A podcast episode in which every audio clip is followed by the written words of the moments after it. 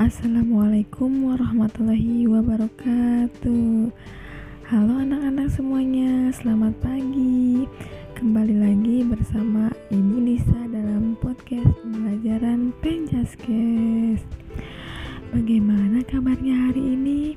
Mudah-mudahan selalu sehat di mana pun kalian berada. Selalu jaga kesehatan dan jangan lupa menerapkan 3M Memakai masker, mencuci tangan, dan menjaga jarak. Sebelum memulai pembelajaran, marilah kita berdoa terlebih dahulu. Berdoa dimulai. Berdoa selesai. Anak-anak, jangan lupa untuk mengisi kehadiran di Google Classroom dan menyiapkan alat tulis untuk mencatat hal-hal yang penting. Hari ini Ibu akan membahas tentang latihan daya tahan jantung untuk pengembangan kebugaran jasmani.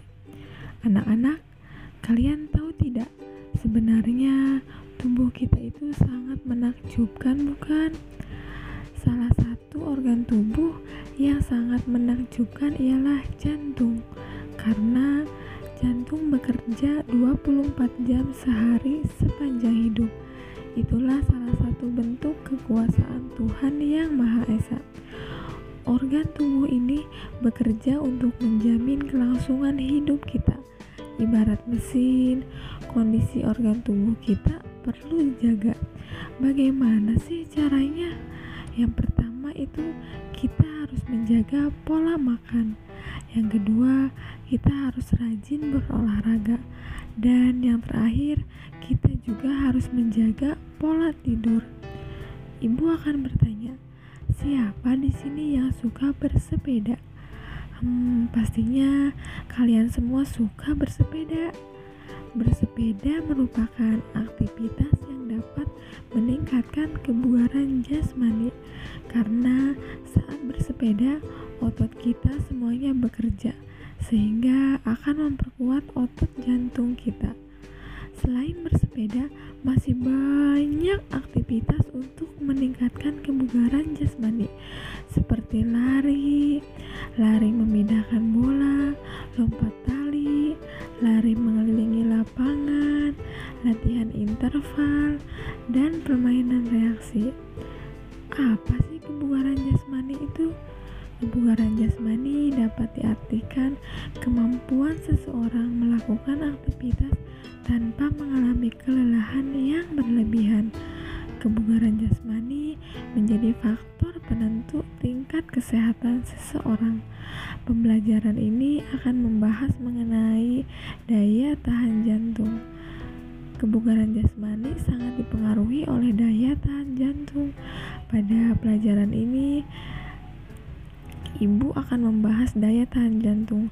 Apa yang dimaksud dengan daya tahan jantung? Sebelum membahas lebih dalam, mari kita lakukan kegiatan berikut ini.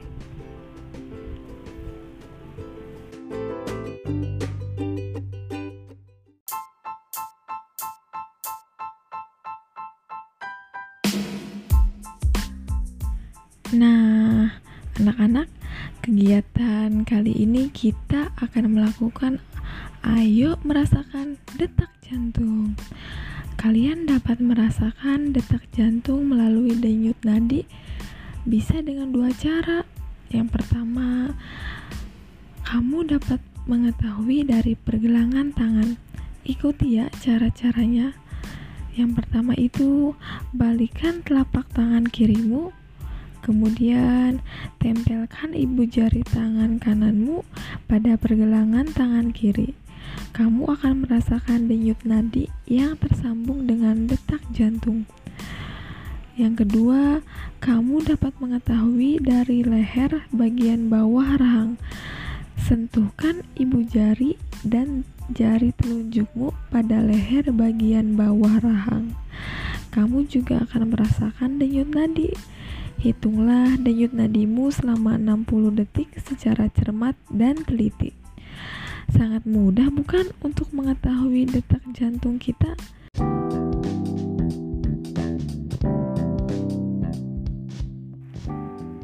Nah, Tadi kalian telah melakukan kegiatan merasakan detak jantung. Kali ini ibu akan melanjutkannya mengenai faktor yang mempengaruhi daya tahan jantung.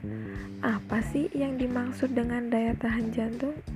Daya tahan jantung adalah kemampuan jantung memompa darah untuk menyuplai oksigen ke seluruh tubuh dengan cepat dalam jangka waktu yang lama.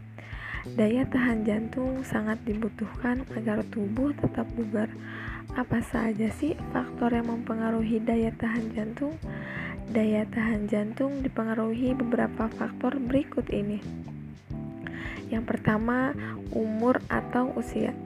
Faktor umur juga sangat mempengaruhi daya tahan jantung. Semakin umur kita bertambah, maka akan semakin lemah juga daya tahan jantung kita. Yang kedua, ada jenis kelamin. Daya jantung anak perempuan dan laki-laki itu sangat berbeda. Biasanya daya tahan jantung anak laki-laki itu sangat kuat dibandingkan anak perempuan. Dan yang terakhir itu ada latihan dan aktivitas fisik. Latihan aktivitas fisik sudah sangat jelas mempengaruhi faktor daya tahan jantung. Semakin sering kita melakukan aktivitas fisik, maka akan semakin kuat daya tahan jantung. Berbeda halnya jika kita tidak pernah melakukan aktivitas fisik, maka daya tahan jantung kita akan lemah dan berbeda dengan anak yang sering melakukan aktivitas fisik. Lalu, adapun manfaat daya tahan jantung. Mengapa sih daya tahan jantung itu harus dijaga? Karena banyak sekali manfaat yang diperoleh dari menjaga daya tahan jantung. Di antaranya mengurangi bahaya gangguan jantung dan pembuluh darah, menjaga tekanan darah agar tetap normal, mengatur kadar lemak dalam darah, lalu mampu melakukan aktivitas dalam waktu yang lama, serta belajar menjadi semangat dan tidak lemas. Kalian telah mempelajari pentingnya menjaga daya tahan jantung. Peningkatan daya tahan jantung dapat diperoleh dengan latihan yang tekun dan disiplin. Kamu dapat melatih daya tahan jantung bersama temanmu.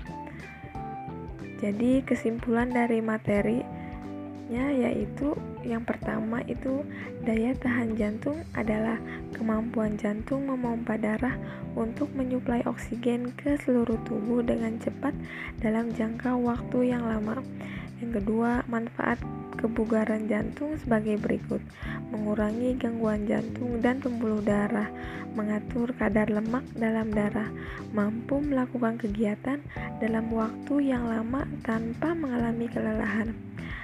Nah, bagaimana anak-anak? Kalian tadi telah mendengarkan materi tentang daya tahan jantung. Kali ini, ibu akan memberikan tugas. Yang pertama itu, mintalah bantuan anggota keluarga kalian untuk mencatat jumlah denyut nadi yang kedua, menghitung dan mencatat denyut nadi selama 60 detik dengan cara yang telah Ibu jelaskan tadi.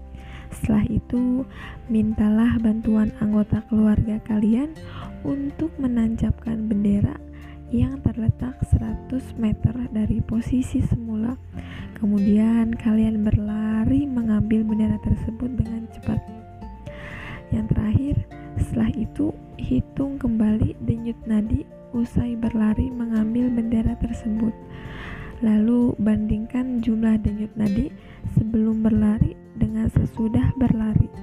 Amati apakah mengalami perubahan atau tidak dan kirimkan jawaban tersebut di Google Classroom. Nah, cukup sekian pembahasan yang dapat Ibu sampaikan.